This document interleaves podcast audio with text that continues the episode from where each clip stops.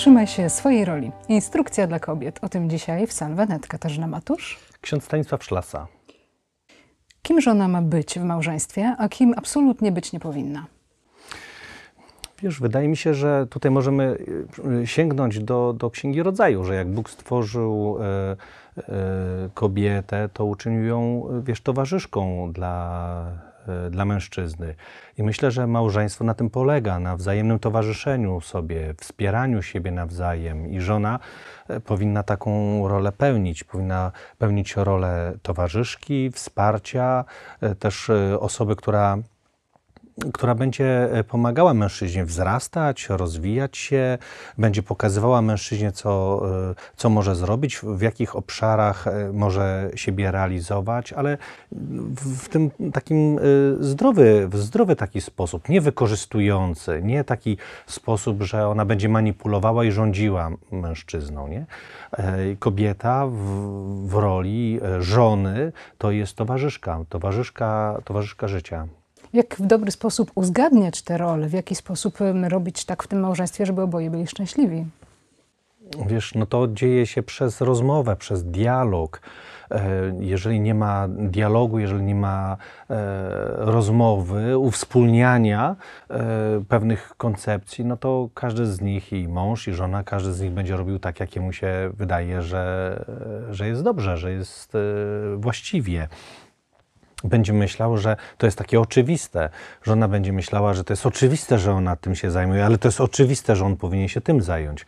A on e, będzie miał inną oczywistość i okaże się, że mogą się nie spotkać, bo każdy będzie żył swoimi oczywistościami. I tutaj e, ja mam taką teorię, e, dzielę się nią zawsze, że jeżeli coś jest dla mnie oczywiste, to, to ważne, żeby to ugłośnić, żeby o tym powiedzieć, bo może się okazać, że dla drugiej osoby to nie jest oczywiste o dobre, e, o czy, dobre małżeństwa, dobre związki, dobre, e, dobre relacje rozpadły się o rzeczy oczywiste.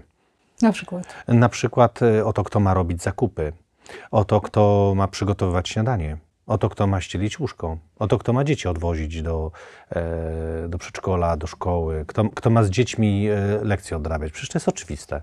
Mm. I wydaje mi się, że, że właśnie to uwspólnianie, to planowanie pewnych ról, e, zadań, działań odbywa się e, w, e, no, w dialogu, mhm. w rozmowie. Niejednokrotnie ku temu mogą służyć różnego rodzaju też warsztaty, warsztaty świadomego rodzicielstwa, wychowania, po to, żeby uwspólniać e, jakiś kierunek e, działań.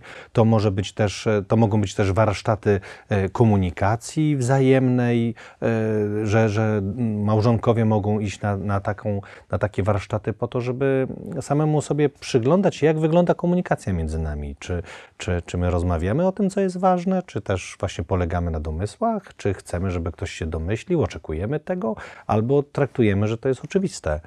I wydaje mi się, że to są takie narzędzia, z których można korzystać do tego, aby, mm, aby budować relacje w konkretnych rolach.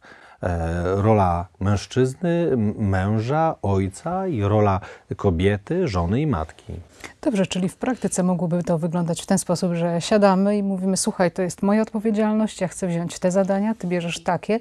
Ty w książce wspominałeś o tym, żeby to nie było tak, żeby ktoś, jak w jakimś memie, co pół roku trzeba mu było przypominać, że trzeba naprawić ten cieknący kran. Więc tak. w jaki sposób wziąć taką odpowiedzialność za to, co do mnie należy? Jak to mm, przedstawić pewnie też jako rzecz, którą ja chcę dać drugiej osobie?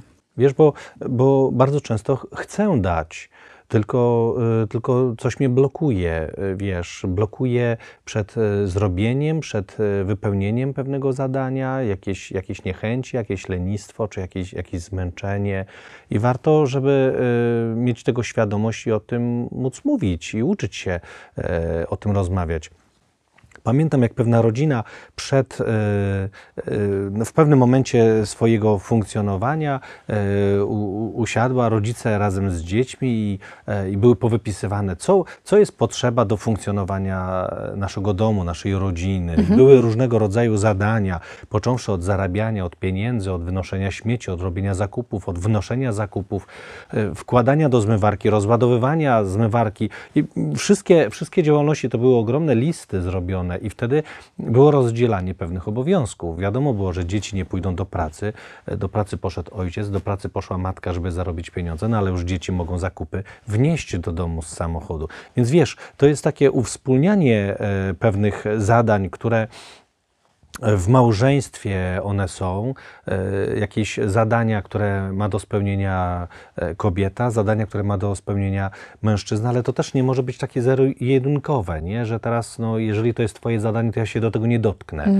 Ale to też jest takie ważne, że, żeby dać sobie prawo, żeby to było takie ruchome. Ja mogę Ci dzisiaj zastąpić, mogę, mogę Ci pomóc, mogę zrobić coś za Ciebie, bo widzę, że nie wiem, jesteś w słabszej kondycji, e, jakoś e, nie masz siły dzisiaj, wiesz, jesteś, jesteś zmęczona i, i, i może być tak, że ktoś e, wyręczy Ciebie, zrobi to za Ciebie.